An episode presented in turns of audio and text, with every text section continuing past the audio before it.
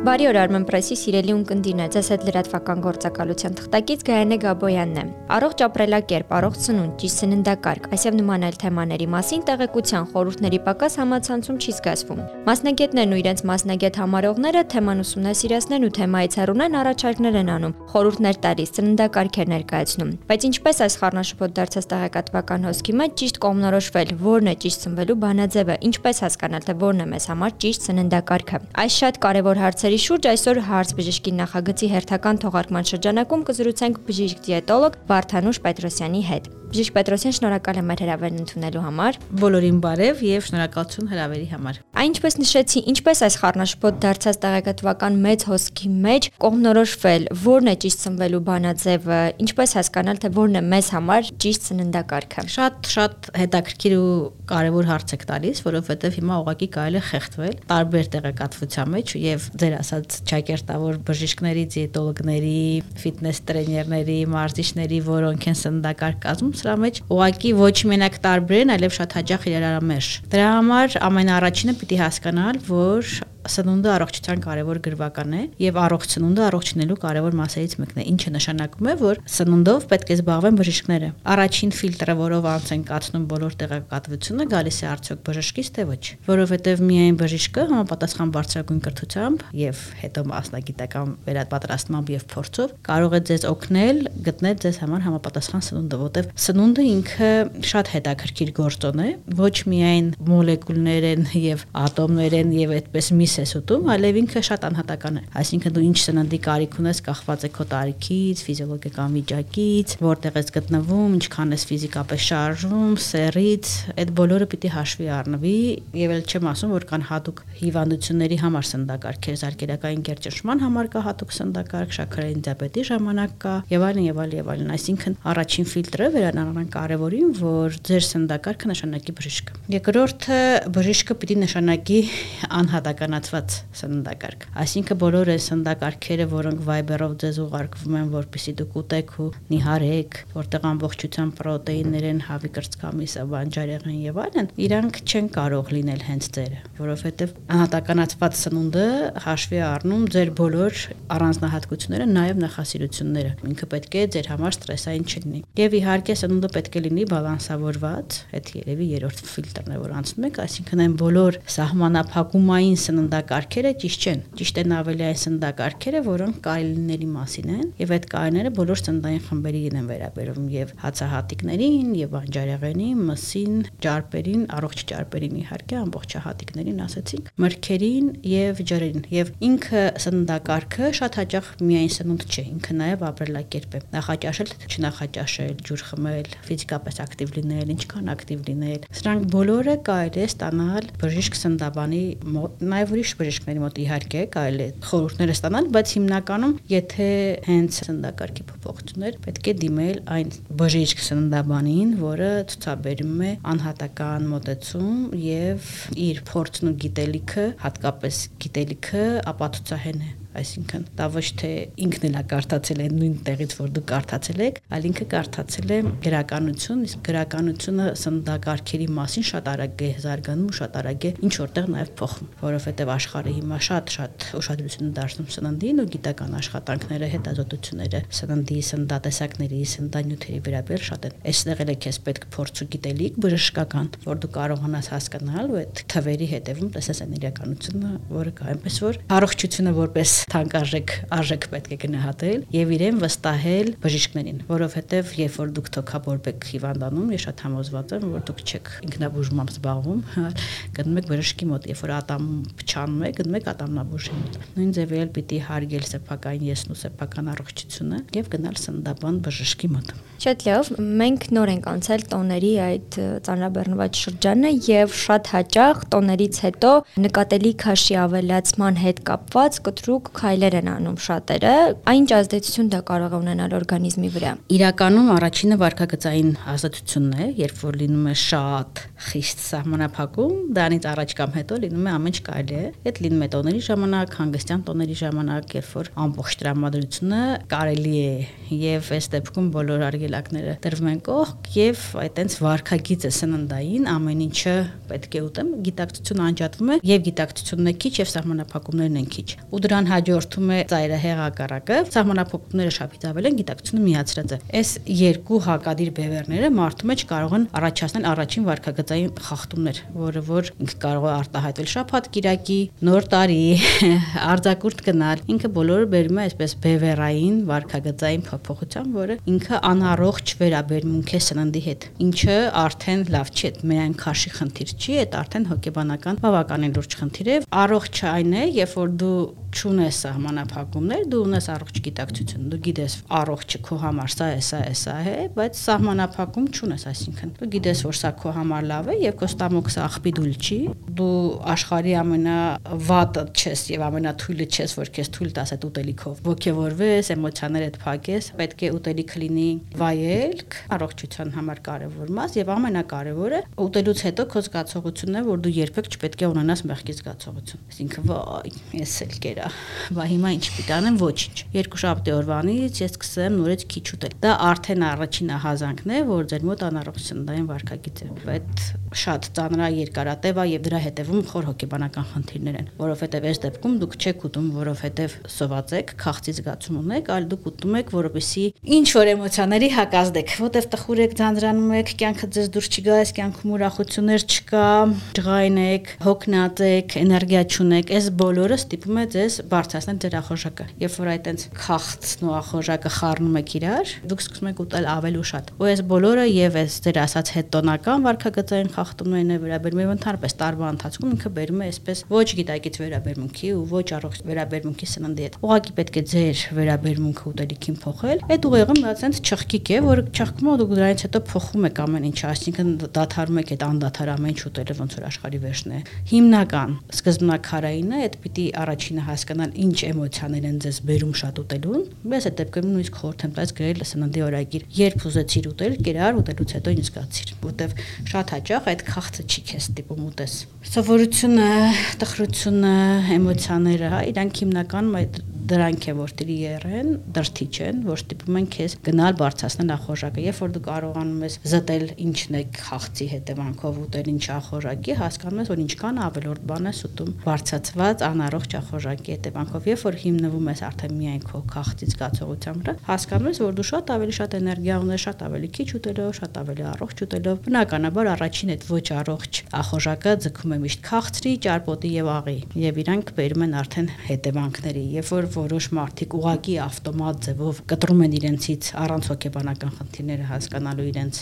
ես երկար տարիների փորձից եմ ասում եւ գիտական հա աշխատանքների հետևանքով ձգտում են իրեն ուղակի ավտոմատ կտրեն իրենց ավելորդ ուտելը այդ հոգեբանական խնդիրները ուրիշ ձևով են արտահայտում սկզբում դա բերում է ագրեսիայի ջղայնության հետո պսիխոսոմատիկ հիվանդություններ են դուրս գալիս պետք է նայել այդ ինչի եք շատ ուտում ինքը ավելորդ քաշնու ճարպակալումը շատ բազմաֆակտորային է իհարկե կա այս հոգեբանական պահը կա միջավայրի խնդիրը կա քրթության տնտեսական խնդիր, կա վարկագծային խնդիրներ, հա, որոնք դրա վրա հիմնված են։ Եվ այլն, եւ այլն, եւ այլն։ Մենք ուզում ենք, որ մեր այսպես ասենք, պացիենտներին վերենք 4-րդ հարթության մեջ, որտեղ սահմանափակումը 0 է, բայց գիտակցությունը բարձր է։ Այսինքն դու գիտես, որ երիտասարդ լինելու համար, ընդ որում քաշի խնդիր չի միայն սնունդը առողջ երկար երջանիկ ապրելու, գեղեցիկ ապրելու նաև հիմնակար է։ Դրա համար այդ այդ առողջ երջանիկ ուրախ ապրելու համար շատ կարևոր է, որ դու լինես գիտակից, բայց սահմանափակումներ չունենաս, որտեղ ցանկացած սահմանափակում, որը քեզ են դնում ինչ որ բանի մեջ, իրականում գայից ասում ես այդ սահմանափակման, բայց ինքը սահմանափակում չի, ինքը բարձր գիտակցության խնդիր, այսինքն դու երբ որ հասկանում ես, որ այդ շաքարը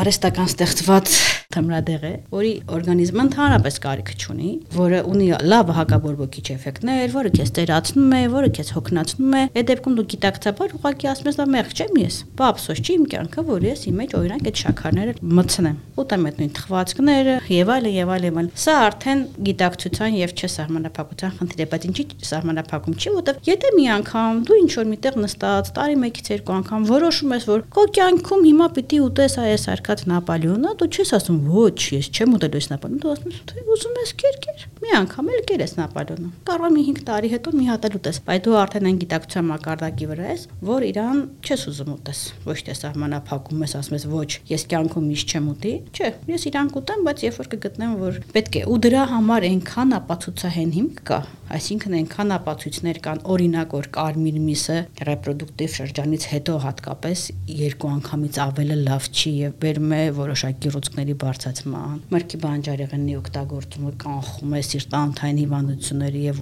ռուցկները, աղիգեր օգտագործումը բերում է հիպերտենզիա, այսինքն դրանք արդեն են այբուբենային ընդունված փաստեր են, որ չիմանալը արդեն ամոթ է, դե չօգտագործելն էլ դե նշանակում է որ դու ունես ինչ որ ձև քո կյանքը երկարացնելու եւ երջանկացնելու եւ ավելի առողջ ապրելու, խոսքը միայն կյանքի տևողության մասին չի, որտեղ ասում են, դե ինչքան ապրեմ, լավ ապրեմ։ Խոսքը նաեւ վերաբերում է կյանքի որակի մասին։ Դու միշտ 30 տարեկան չես լինելու, ոչ թե 20 տարեկան ես լինելու։ Դու կլինես ինչ որ տարիքի, որ կարող ես ապրել կամ դեղ խմելով կիսա իվանտ, կամ կարող ես վայելել ոնց որ երիտասարդ ժամանակ ու դրա մեջ էլի ապացուցահենը մեծ դեր ունի քո իհարկե գենետիկան, միջավայրը, բայց նաեւ սնունդը։ Այսինքն դու ինքդ ընտրում ես ինչ ճանապարհով ես ուզում դա ապրել եւ երբ որ երեխաներին ասենք ասում են վա ես երեխաս ուզում եմ ես ինչ ուզի ես ինչ ուզի այդ երեխան այո հիմա չի հասկանում որտեվ ինքը դեռ երեխա է բայց 20 տարի հետո այդ երեխան քեզ ասելու շնորհակալություն որ դու իրան այո չես տվել քաղցր որ դու իրան սովորացրել ես բանջարեղեններ ուտել որ դու իրան սովորացրել ես մրգեր ուտել որ իրան սովորացրել ես ջուր խմել այդ քաղցր զիբիլները չխմել ինչ որ ժամանակ իհարկե կլինի տենց ամբոստություն որ դրսում կօգտագործեն բայց այն ինչ որ դու ընտանիքում քո երեխային սովորացրել ես դա 20-25 տարի հետո ինքն ասելու է քեզ շնորհակալություն Շատ լավ, այ կուզեմ քաշի նվազեցնելուն ուղղված ոչ ճիշտ սննդակարգի հետևանքները նշենք ոչ թե հոգեբանական, այլ ֆիզիկապես առողջության ինչ վնասներ ինքը կարող է հարցնել, չգիտեմ, աղիներին, ստամոքսին։ Քաշի անառողջ նվազեցումը նախ հասկանանք որն է, առաջինը արագ 7 կիլոգրամ, 10 կիլոգրամ, 15 կիլոգրամ էլ չեմ ասում, նույնիսկ 8 կիլոգրամ ամսական քաշի իջեցումները համարվում են անառողջ։ Ինչու՞, որովհետև նույն գիտությունը ցույց է տվել, ապացուցել է, որ 3-ից 5 կիլոգրամ ճարպից ավել ի վիճակի չի առողջ չափահաս մարդու օրգանիզմը քայքայել։ Այսինքն այդ ինչ որ գործարան պատկերացնենք մեր օրգանիզմը, ինքը ի վիճակի չի ավել քայքայել, եթե ավել է քայքայում, այդ ուրեմն ճարպ չի քայքայվում։ Կամ դուրս են գալիս հեղուկները, որը ոչինչ որ դուրս են գալիս, ավելի վատ, եթե քայքայվում է մկանային համակարգը, ինչը շատ հաճախ քայքայվում է հենց մկանային համակարգը, այսինքն ամսական 3-ից 5 կիլոգրամ ճարպից ավելի չեցումից քայքայում ենք մեր մկանները, ինչը հետո շատ դժվար է վերականգնել։ Այդ առաջին։ Երկրորդը պատկերացրեք գործարան, որ ինքը կարող է ամսական 3-ից 5 կիլոգրամ ինչ որ բան արտադրել, հա, ինչ որ թեկուզ ջուր արտադրել ու դու իրան ստիպում ես, որպեսզի ինքը արտադրի ոչ թե 3-ից 5, այլ օրինակ կրկնակի 5-10 կիլոգրամ։ Այս դեպքում այս գործանում բնականաբար գերտարաբեռնվածություն է լինում, որտեղ դու իրան ոչ իմանալ չես ավելացնում։ Ոչ այնտեղ ֆերմենտներ ես բերում, որ ճարպ քայքային, հա, ոչ ինչ որ նոր հաստոցներ ես բերում, ոչ մի բան չես բերում։ նույն աշխատողներն են ուղակի մտրակը վերցնում ես ձեռը, ասում ես մենք պիտի քայքայենք, իսկ երբ որ կալորիաներ կտրուկ իջացնում ես, հենց նույն բանը լինում է մտրակով, մտնում ես քո նյութափոխանակության մեջ, մտրակում ես, ասում ես դե կներես, սովա, ուտելիք չունենք, պիտի նիհարես։ Այս դեպքում ուղղակի այդ բոլորը մաշվում են։ Եվ աշխատողներն են մաշվում, եւ հաստոցներն են մաշվում ցավոք սրտի, ան դարձելի։ Սենց ես խոսում եմ երեք տեսական է հնչում, ոնց կարող է արտահայտվի։ Ընդհանուր թուլություն, գլխացավեր, հոգնածություն, իհարկե մարդիկ որ նայում են կշարքի վրա, ես իմ փորձ եմ ասում, իմ պացիենտների նախորդ փորձերից, որտեվ ես ընդհանրապես տենց մեթոդներ չեմ կիրառում, բայց եթե իրանք նայում են -1 կիլո, -2 կիլո, իրանք մոտ լինում է սենց ժամանակավոր մտնագնման շրջան իրանք ուրիշ ոչ մի բանի վրա ուշադրություն չեն դարձնում։ Իրանք մենակ տեսնում են այդ թվերը ու ուրախանում են, որ թվերը իջնում են, բայց այս դեպքում բացի այդ մաշվելուց լինում է նաև քանի որ կալորիաների կտրուկ իջեցում է լինում, որտեվ հիմնական բոլոր արագ քաշի իջեցումները ածխաջրերի կտրուկ իջեցում, կալորիայի կտրուկ իջեցում ու քաշը մեխանիկորեն սկսում է սկզբնի շրջանում հատկապես արագ իջնել։ Այս ընթացքում իրենք չեն կարողանում ստանալ իրենց բոլոր անհրաժեշտ վիտամինները, հանքային աղերը, սպիտակուցները մասնավորապես։ Բոլոր այդ անհրաժեշտ վիտամինների, հանքային աղերի պակասի հետևանքով աստիճանաբար սկսում է դա ուղղակի մի անգամից չի լինելու, դա լինելու է մի քանի ամիսների ընթացքում եղունգների որակի քչացում։ Մազերն է սկսում թափվել, տեսողությունը վատանալ, ճնշում օրվա ընթացքում կարող է իջնել։ Վատագույն դեպքում կանանց մոտ կարող է լինել ամենավատ նշաններից մեկը դաշտանի վերացումն է, որը կարող է այստեղ արդեն ահագնացող նշան լինել անորեքսիայի, այսինքն արդեն այդ երիտասարդ հիմնականում աղջիկների մոտ է լինում, որոնք տենց ուզում են միանգամից նիհարել ու իրենց ուրվագիծը մարմինը դուր չի գալիս, արդեն նույնիսկ եթե նիհարեն, իրենք մեկը իրենց տեսնում են քաշը ավել ուզում են ել ավելի նիհարել։ Մյուս բարդությունը, որ այ վարկագծային է, որ մարդիկ միևնույնն է նիհարում են ուզում են էլի, էլի, էլի, որտեվ իրենք հետևում կանգնված է ցածր ինքնագնահատական ու նույնիսկ երբ որ իրենք քաշով հասնում են իրենց ուզած քաշի, մեկը հանկարծ իրենք մտածում են, իրենք ազրի ես աճ վերևի հատվածում մի քիչ էլ ճարպ ունեն, իրանք փորի ներքևի դրսային հատվածում մի քիչ էլ ճարպ ունեն, ու արդեն սահմանային վիճակ է անորեքսիայի հետ էստեղ էլ պետքա շատ զգույշ լինել։ Ես էլ չեմ խոսում քաշի իջեցման, այսպես ասենք, թեյային, հաբային եւ կախարդական փայտիկայի մեթոդների մասին, որոնց դեպքում մարդկանց ասում են, որ խմի այս փոշին, թեյը, սուրճը, դեղը, հաբը եւ այլն ու դու կնիհարես։ Եթե դա իհարկե գրանցված ճարպակալման դեմ դեղամիջոց չի, որը Հայաստանում ոչ մեկը չկա գրանցված, բայց ես գիտեմ, որ օգտագործում են։ Դրանք բոլորը կասկածելի պարունակություն են ու նույնիսկ չգիտեք մեջը ինչ է, որտեղ դրանք գալիս են որպես սննդային հավելում, food սուպլիմենտ պիշուի դաբավքի եւ դրա մեջ կարող է գրած լինել մի բան, պարունակության մեջ լրիվ ուրիշ բան։ Այս դեպքում արդեն ձեր ասած հետևանքները կարող են շատ վախենալի եւ կյանքի նույնիսկ բառնոցով լինել։ Այս դեպքում կարող է լինել սիրտանոթային բարդություններ, անկառավարելի դեպրեսիաներ։ Իհարկե դրա մոտամի տեսակ անցավ, բայց դեռ մեկաշուկայում կան լուծողականներով քաշի չեցնողներ։ Կարող են լինել աղիքային խնդիրներ, այսինքն հաթա լուծել լուծելու, տենց չգիտեմ մարդիկ ինչի, մտածում են որ լուծելը լավ բան է, որ մաքրվելու միջոց է ու իրենք նույնիսկ օրերով կարող են այդ դեղերը խմել ու լուծել։ Ու ինքը նաև միզամուղ էֆեկտ ունի, բնականաբար քաշը ամեն օր նշանակալի իջնում է, բայց իրենք դրա վրա ուշադրություն չեն դարձնում։ Քաշը շատ արագ վերականգնվում է, շատ, բայց ցավոք սրտի այդ մարսողական համակարգը եւ ընդհանրապես առողջությունը հատկապես մի քանի պարույրով դրանց հետ հանդիպելուց հետո այդքան արագ էլ չի վերականգնում։ Շատ արագ քաշի չեցումից շատ հաճախ լինում է որպես բարդություն լեղակարային հիվանդությունը։ Շատ հաճախ դե հիմա շատ մոդայի կետ կամ կետոն կամ սպիտակուցային Ատկինսը այդ սննդակարգերը, որոնց ժամանակ քաշի արակտրուկի չեցում է լինում ու որպես բարդություն շատ հաճախ մեկ էլ հա լեղապարկում ցավեր են լինում, այխոն ասում է, իսկ քան քար որտեղից ու իրանք նույնիսկ չեն էլ կապում որ դա քաշիչնելու հետ կապ Շատ լավ, անդրադառնանք ոչ պակաս կարևոր մի հարցի, այս դեպքում արդեն քաշի ավելացման, որովհետև կան մարդիկ, ովքեր էլ ունեն քաշի ավելացման խնդիր, այսինքն ուզում են քաշ հավաքել որոշակի քանակով, բայց դա բարդ է, եւ մեր ընթերցողներից մեկի կողմից հարց ունենք այսպիսի. եթե մարդն անցել համապատասխան բոլոր զննումները եւ ամեն բան նորմայի սահմանում է, միայն D վիտամինի դեֆիցիտ է գրանցվել, ինչը լրացվում է վիտամինի համապատասխան քանակով, արդյոք կան միջոցներ ախորժակը բարելավելու համար եւ վիտամինները որքանով են օգնում այդ հարցում։ Ինքը շատ հետաքրքիր հարց է, որովհետև մեծ բանակ քաշիչեցողներից ստվերում են մնում քաշը բարձրացնելու ցանկացողները։ Ինքը առողջապահորեն այդքան մեծ խնդիր չի, որտեղ ավելորդ քաշը կոնկրետ ռիսկ է, իսկ ցածր քաշը այդքան չէ։ Այս կատեգորիայի մարդիկ իրանք այդպեսին են կոնստիտուցիոնալ։ Եթե իրանք անալիզները անում են, այնտեղ հորմոնալ խնդիրներ չկա, վահանագեղձի խնդիրներ չկա, եթե մարսողական համակարգը նորմալ է, այնտեղ պարազիտներ չկան, ճճուներ հա կամ բորբոքում չկա, նորմալ մարսողությունը գնում է։ Ամեն ինչ հետազոտվում են ու ամեն ինչ բացառվում է, վիտամին D-ն ընդ որում հանգիստ կարող եք ընդունել ինքը քաշիրը այդպես չի ազդելու, արդեն պետք է աշխատել, այսպես ասենք, հա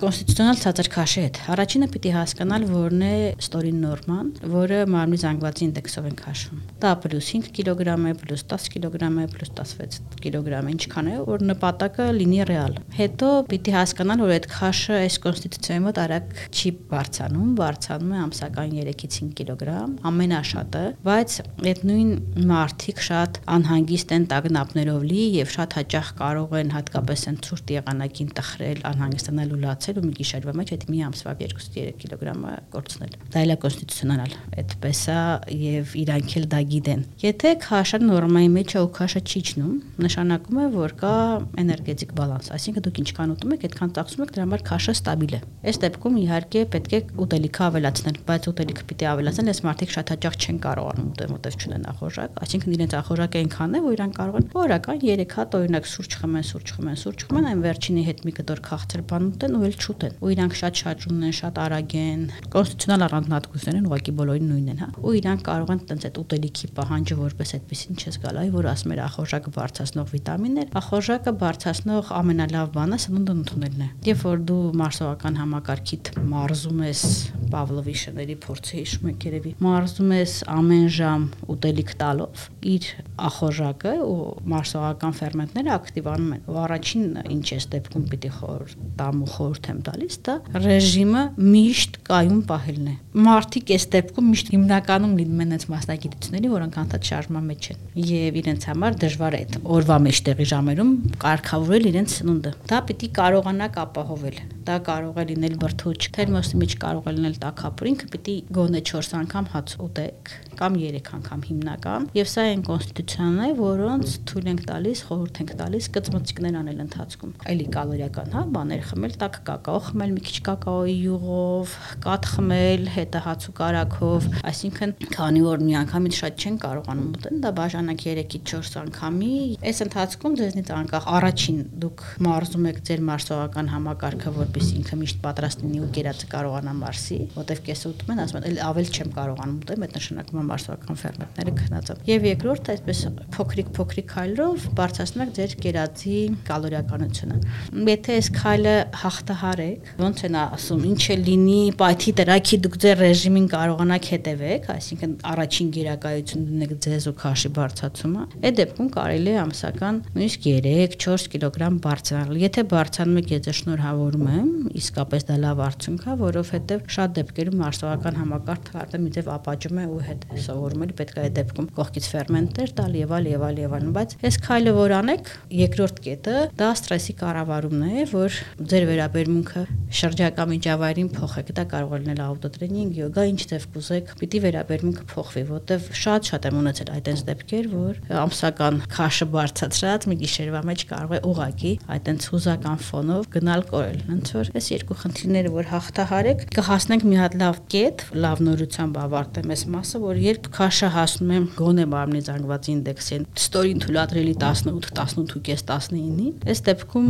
կոնստիտուցիան մի քիչ փոխում է ու քաշը այդքան արագ չի իջնում, որովհետև այս դեպքում քաշը շատ արագ իջնում է, շատ դժվար բարձրանում ցածր քաշովների համար շատ բնորոշ տարբերություն օրինակ բարձր է մյուս կոնստիտուցիայի, որը շատ դժվար, շատ դժվար իջնում է ու շատ արագ ավելացնում, հա։ Դրա համար երբ որ այդ մարմնի զանգված ինդեքսը մի քիչ բարձրացնում եք, հետո զգում եք, որ ձեր քաշը այդքան արագ արդեն չի գնում։ Շատ լավ, կուզեմ խոսենք բուսակերության եւ սովապահության մասին։ Արդյոք ճիշտ եք համարում բուսակերությունը եւ սովապահությունը, քանի որ կարծես տենդենց է ձևավորվել, հա, եւ մոդայիկ է դարձել։ Լինել բուսակեր, սնվել սովապահության այդ մեթոդով, ձեր կարծիքը։ Սկսենք բուսակերությունից, որտեղ տարբեր են իրենք։ Բուսակերությունը, այն ասած, բարձր գիտակցության, բարձր սահմանափակումների հարթության մեջ է։ Երբ գիտակից որոշում են ընդունում, որ անցնում են բուսակերության, բուսակերության տարբեր աստիճան բաններ կա, գիտեք, կա վիգան, երբ որ կենթանական ոչ մի բան չեն ուտում, կան հուսակերներ, որոնք ուտում են կաթ, զու, հա, բայց չեն ուտում ընդհանրապես միս։ Ընդհանրապես գիտությունից եկեք գանք, բնականաբար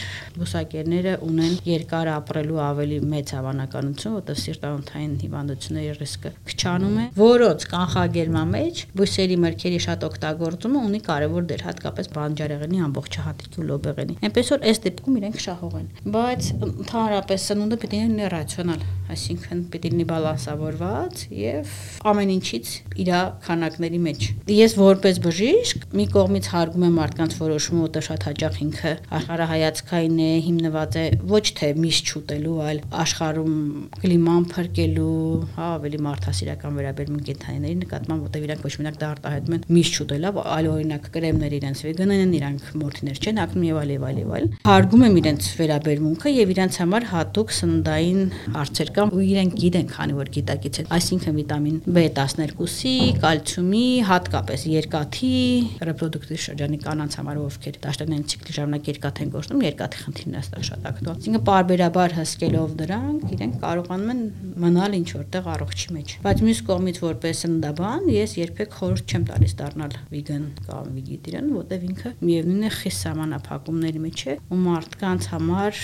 իդեալականը չի։ Կա ոսկի միջին, որ շաբաթվա մեջ 1-ից 2-3 օր կարելի անել բուսակերային օրեր, որն էլ հիմնված է բոլոր ուղեցույցներում, այդպես նշված է, որ ասենք սպիտակուցների 2/3-ը պիտի լինի բուսական օրվա մեջ, ու կեսից ավելի պիտի լինի բուսական, ճարպերի մեծ մասը պետքա լինի բուսական եւ այլ։ Ու եթե իրեն վերենք շաբաթվա կտրվածքի, շաբաթական 1-2 բուսակերային օրը, այո, առողջ է եւ շաբաթվա մեջ բույսերի շատ օգտագործումը եւ հացահատիկների ամբողջ հատիկ հացահատիկների եւ լոբեղենի եւ բանջարեղենի, այո, շատ լավ է, բայց ես էլ որպես ոչ ծայրի համար չեմ խրախուսում ու երբևէ չեմ քարոզում բուսակերությունը, բայց բույսերի շատ օգտագործումը առողջ է արի։ Իսկ ես մարդկանց որոշումն էլ հարգում եմ, որտեվ այդ մարդկանց որոշումն է։ Ինչ վերաբերում է սովապահությանը, ինքը ամենահետաքրքիր մեթոդներից մեկն է եւ ինքը առաջատար կլինիկաներում հետազոտությունների հիմնական աղբյուրն է հիմա, ուղղությունը, այսպես ասենք։ Եվ մինչև հիմա արած բոլոր հետազոտությունները, բոլոր եւ ճապոնական գիտնականների եւ ամերիկյան գիտնականների ուղղված են նրան, որ մարդկանց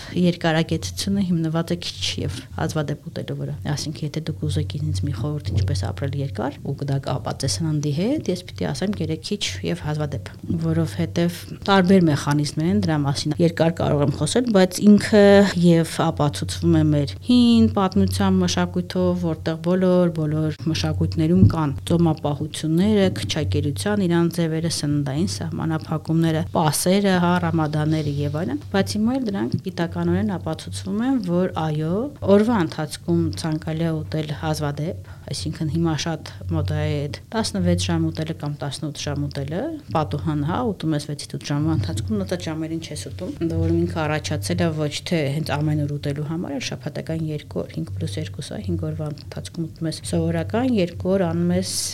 պատուհանային մեթոդը, որովհետև սովի ժամանակ, հատկապես երբ որ կա սպիտակուցային սով, դրա համար եմ ասում պասային օրեր պետքա պահել, այդ երբ որ կա սպիտակուցային սով, բջջի մակարդակով ընթանում են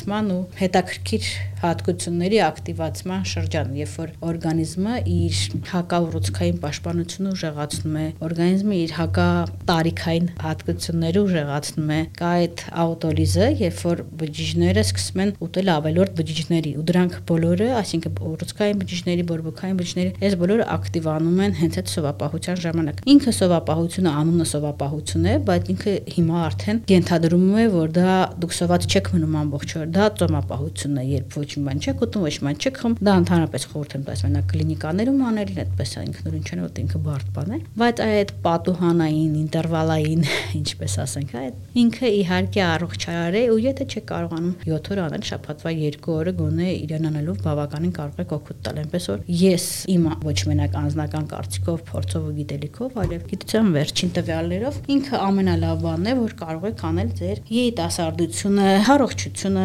երկարակեցությունը պահպանելու համար։ Շատ լավ, անդրադառնանք ֆաստ ֆուդերին, գազավորված ըմպելիքներին։ Այսօր գրեթե բոլորը մշտապես սննդի հետ օգտագործում են գազավորված ըմպելիքներ եւ նաեւ վերամշակված սնունդ, ֆաստ ֆուդ։ Դուք օգտագործում եք։ Չէ, հաճախ չէ։ Այսօր բոլորը չենք։ Բայց շատերն են այսօր օգտվում ֆաստ ֆուդերից, ինչ բացասական ազդեցություն ունենում մարսողության վրա եւ օրգանիզմի։ Ինքը մենակ մարսողության վրա չի ազդում, ինքը ազդում ամբողջ օրգանիզմի վրա, բայց ինձ թվում մենք արդեն այդ этаպը անցել ենք։ Մեր հասարակության մեծ մասը գիտի ինչ վատ էֆեկտներ ունի։ Գուցե երեխաները դեռ չգիտեն, բայց հաստատ մեծերը գիտեն, որ իրենք կարող են իրենց երեխաներին սովորացնել։ Հիմա մենք հասել ենք երկրորդ փուլ, երբ որ գիտելիքը կա, բայց վարկագիտը չի փոխվում։ Իսկ շատ հաճախ հենց այդպես էլ լինում է, որտեղ վարկագիծը փոխելու համար միայն գիտելիքը անհրաժեշտ է, բայց բավարար չէ, այսինքն միայն գիտելիքը քիչ է։ Մենք էլ շատերս երևի լսողները գիտեն, շաքարը վատ է, Coca-Cola-ն, Pepsi-Cola-ն եւ այլն, բայց բոլորը օգտագործում են։ Վարկագիծ փոխելու համար շատ ավելի շատ բան է պետք, քան միայն իմանալը։ Ինքը վարկագծային փոփոխությունները մի ամբողջ գիտելիք է ու գիտություն այսպես ասենք, կամ նույնիսկ հիմա behaviorist-ներ, վարկագծային փոփոխության մասնագետներ։ Ինչ է իրան պետք առաջին գիտելիք, այո, որ ինքը իմանա դա վատ է, երկրորդը իրան պետք է միջավայր, այսինքն ինքը պիտի իմանա դա ինչով պիտի փոխվի առաջին, եւ երկրորդը այդ միջավայրում պետք է մենակ ինքը չլինի, միջավայրում պետք է լինեն նաեւ շատ մարդիկ, ովքեր այդ նույն գաղափարով են եւ նույն բաներ անում ու շատ հաճախ դուք շատ ճիշտ նշեցիք, գազավորված ըմպելիքները թիրախավորում են երիտասարդներին, թինեյջերներին եւ եթե տեսնեք բոլոր գովազդները, որոնց վրա միլիարդներ են ծախսվում, հիանալի ագույն գովազդներ են, դա այս են թինեյջերականների գումիրներն են, կորքերն են, ում որ ուզում են իրենք նմանվեն։ Լավ մարքեթինգ են անում։ Բայց վերադառնանք վարկագծի փոփոխության համար ինչա պետք վարկագծի փոփոխության համար իհարկե պետք է նաեւ հսկողություն, գուցե դպրոցումը եւ իհարկե պետք է այդ բոլորը շատ ճիշտ դիզայն արվի, հա։ Երեխան պետք է ոչ թե իրան ասած սամիկեր, այլ իրան ասած սակեր երկարատև աշխատանքի արդյունքում պետք է լինի։ Մենակ ես որ հիմա ասեմ, ես մի հատ հաճախորդ ունի, ասած Վարդան Շորի տղան տես տեսնում է հերոսացով, ալիք փոխում է։ Ես հասկացա, որ դե ինչքան կարելի ասել, որ երեխան սիրում է, անդադեսնում է, բոլորը խմում են, դա իրան ուրախացնում է։ Հիմա Վարդան Շորն են վատ բոբոնա, դրա համար մենակ ասելը ասեցինք իմացան, հիմա ուրիշ քայլեր են պետք։ Շատ լավ, նաև շատ է խոսվում քաղցրի մեր բոլորի շատ սիրելի շոկոլադների վնասակարության մասին։ Բնականաբար շատ օգտագործելը ինչ որտեղ կվնասի օրգանիզմին, այ ինչ վնասներ դա կարող է հասցնել եւ ինչպես քչացնել քաղցրի օգտագործումը։ Ձեր կողմից ինչ կարող եք առաջարկել փոխարինող ինչ որ բաներ քաղցրեղենի։ Ուրեմն Հայաստանում արվել էր հետազոտություն, անցած թե նախանցած տարի ամփոփում էր Արաբկիր բժշկական կենտրոնի գոլեգաներն էին ամփոփում։ Եթե ես չեմ սխալվում 12-ից 15 տարեկան Երևանաբնակ աղջիկների 75%-ը ամեն օր ուտում էր քաղցր կար մի փոքր աշխատանք, նու կոռելացիա չկար ինչ որ ուրիշ բանի հետ, բայց որ երեխաները տխուր էին։ Այդ այնց հոգեբանորեն տխուր էին։ Ինչը շատ շատ մեկը մյուսի հետ կապված է, որտեղ մարդը ուզում է քաղցրել ժամանակ, երբ որ ինքը ուրախությունները քաղցրը, կյանքի քաղցրը քիչ է, եւ ինքը ուզում է քաղցր ուտել։ Եթե նայենք սննդային ուղեցույցներին, ԱՀԿ-ի առողջապահության համաշխարհային կազմակերպությանը եւ ամերիկյան ուղեցույցներին եւ այլն, այնտեղ կա սահմանվող օրական նորմա։ Իրանք ի վիճակի չեն գրեն 0, որովհետեւ մեծ լոբինգ ունեն շաքար պարունակող սննդամթերքների եւ ըմպելիքների արտադրողները։ Եթե նայենք շաքարի միայն մագնշման պատմությունը Ամերիկայի Միացյալ Նահանգներում դա առողջապահության պայքարն է շաքար պարունակող սննդամթերքների ըմպելիք արտադրողների հետ։ Որտեվ սկզբում գրվում էր, սկզբում ես նկատի ունեմ իմ ասենք ես աշխատանքային 20 տարիների ընթացքում գրվում էր պարունակության մեջ ածխաջրեր, սպիտակուցներ, ճարպեր։ Հետո քանի որ ածխաջրերի պարունակությունը մասնավորապես շաքարների շատ էր, շատ առողջապահական կազմակերպություններ ստիպում էին, որպիսի գրվեր ավելացած հավելյալ շաքար որովհետև շաքարը սննդամթերք մեջ կարող է լինել բնական, օրինակ կաթի լակտոզան, ինքը բնական շաքար է, ինքը մարդկության թշնամի չի, բայց ասենք երբ որ ծխեցրած սաղմոնին ավելացնում ես շաքար, դա ավելացված շաքար է, մարդն ուտում է որպես առողջագույն ուտելիք այդ նույն սաղմոնը, բայց ինքը չգիտի որ մեջ կա ավելացված շաքար։ Ինքը մտածում է երբ բնական ինչ որ շաքար կա։ Էլ չասեմ, որ մանկական այդ նույն ռուսերեն խլոպյաները, որոնք գրվում են ֆիթնես, մանկական, մանկական յոգուրտ եւ այլն, իրանց մեջ կարող է լինել շատ շաքարներ։ Շաքարներ կան թաքնված շաքարներ, կան տարբեր տեսակի սոուսների մեջ։ Եվ հետազոտությունները ցույց են տալիս, որ ազգաբնակչությունը մի քանի անգամ Ամերիկայի մի քանի անգամ ավել է օգտագործում, որովհետեւ մարդկանց ասած քիչ կեր, պիտի այդ մարդն այլ իմանա որտեղից։ Դրա համար այսինքն շատ պայքար էր, որպիսի ավելացվի անգլերենով edit sugars, մագնանշման մեջ ուղակի արտադրողը գրի ավելացված շաքարի քանակը, որտեղ դա իր իրավունքն է իմանալ, որ շաքարն ավելացած որը չէ։ Հաշվել են շաքարի մինիմալ քանակը, որը որ ըստ էության սիրտանոթային հիվանդների ռիսկը չի բարձրացնում եւ այլն, բայց արդյոք ընդհանրապես շաքար չուտելը ինչ որ հիվանդություն բարձրացնում է, դա չեն արել, որովհետեւ դրա կարիք չկա։ Բայց եթե նայենք շաքարավազին որպես ընդհանրապես մի 200 տարի մարդկության մեջ մտած սննդամթերք եւ իր կյանքի պատմությանը, ինքը հիմա շատ սննդամթերք արտադրողների համար ուղղակի շատ ինչի ճակերտավոր, ոչ էլ ճակերտավոր թմրատեղ է, որտեվ շաքարը բարձրացնում է ինսուլինի արտադրությունը, ինչը բերում է ախորժակի բարձրացման ու մարդիկ ուտում են ավելի շատ։ Այսինքն եթե դու օգտագործում ես շաքար, դու ուտում ես շատ ավելի շատ։ Այստեղ կարող եք ինձ չհավատալ, կարող եք ձեր հետ փորձ անել։ Դու կարող եք մի շաբաթ ընդհանրապես շաքարային դետոքս անել, հետո գնդիրներին եմ դիմում։ Եվ կարող եք բացառել ընդհանրապես ինչի մեջ կա սպիտակ ալյուր, մշակված հացահատիկներ, սպիտակ բուրինձ, ալյուր, խմորեղեն եւ շաքարավազ կտրուկ հետևելով թե ձեր գնվածի մեջ ինչ կա։ Մի շաբաթ հետո դուք կսկսեք ուտել ձեր ուտելիքի կեսի կեսը։ Ախորժակը դառնա քաղցի զգացողություն։ Դուք սկսում եք շուտ կշտանալ եւ ավելի քիչ ուտել։ Ինքը հիմնված է պարս, շաքար, արագներ ծծում, ինսուլինի պիկ, ախորժակի բարձրացման վրա։ Դրա համար ցանկացած ֆաստ ֆուդի կետերում ձեզ առաջարկում են բարձր շաքարով ըմպելիքներ, որ դուք արագ ուտեք, նորից սովատանակ նորից ուտեք։ Ոչ թե մարսեք, այլ որ շատ ուտեք։ 20-30 տարի շաքարի դեմ գնում է բավականին բան պայքար եւ ոչ թե աղա համարվում հիմա որպես մարդասպան, այլ շաքարավազ անձամբ եթե հարցնեք ես այդ ուղեցույցներից մի քիչ ես կողմ եմ ու ես խորթ եմ տալիս ընդհանրապես չօգտագործել։ Կյանքը պիտի քաղցրացնեմ, դեռ ուրիշ քաղցր բարարով ինքը ուղակի ավելորդությունը դրա կարիք չունենք, մենք դրա փոխարեն ունենք մրգեր, ծրման սեզոնին ունենք չրեր, առանց շաքարի իհարկե, որոնք էլի սահմանափակ լրիվ բավարարում են։ Շատ լավ, այ դուք կարող եք նշել մթերքներ, որոնց օգտագործումը պարտադիր է օրգանիզմի միկրոֆլորան պաշտպանելու համար։ Միքարաբես միկրոֆլորայի պաշտպանելու համար շատ լավ են պրեբիոտիկներն ու պրոբիոտիկները, մեկը ոնց որ պարարտացնում ես հողը, մյուսով ցանում ես արդեն։ Այդ պարարտացնելու համար ամենաառաջինը թթու դրած բանջարեղենն է, նույն մալականի թթուն է, մեր թթուներն են, որոնք բավականին լավ օգնում են դրան։ Երկրորդ խումբը հիմնականում բջջանյութ պարունակողներն են, դրանք կտավատի սերմնա բանջարեղեններն են, սերմերն են, լոբեղենն, ամբողջահատիկ հացահատիկները, որոնց օգտագործումը շատ շատ շատ կարևոր է մարսողական համակարգի համար։ Որոշակի դեպքերում մենք ունենք հայկական խոհանոցում մեր մածունը, որը լակտոբակտերիաների հիանալի աղբյուր ունենք նայնեն, որ էլի ազգային հաշտություն է եւ իրենց կարող ենք օգտագործել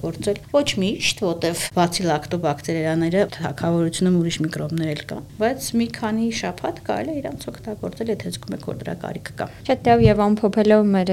հագեցած զրույցը կխնդրեմ առանձնացնենք մի քանի կարևոր խորհուրդ մեր ընթերցողներին։ Դե առաջինը, որ հարգեք ձեզ ձեր սնունդը դրա առողջությունը ու ձեզ վստահեք միայն պրոֆեսիոնալների։ Երկրորդը աշխատեք կյանքում ընդհանրապես ուրիշ ուրախություններ գտնել եւ սնունդ օգտագործեք որպես ուրախություն ու վայելք եւ այդ մեր հիմնական իհարկե խնդիրներից մեկը որ խորժակն ու քաղցը կարողանաք իրարից տարբերել ուտել են ժամանակ երբ որ քաղցածեք ընդհանրապես այն ինչ որ անում եք վայելելով անեք շնորհակալ եմ զրույցի համար ես էլ շնորհակալ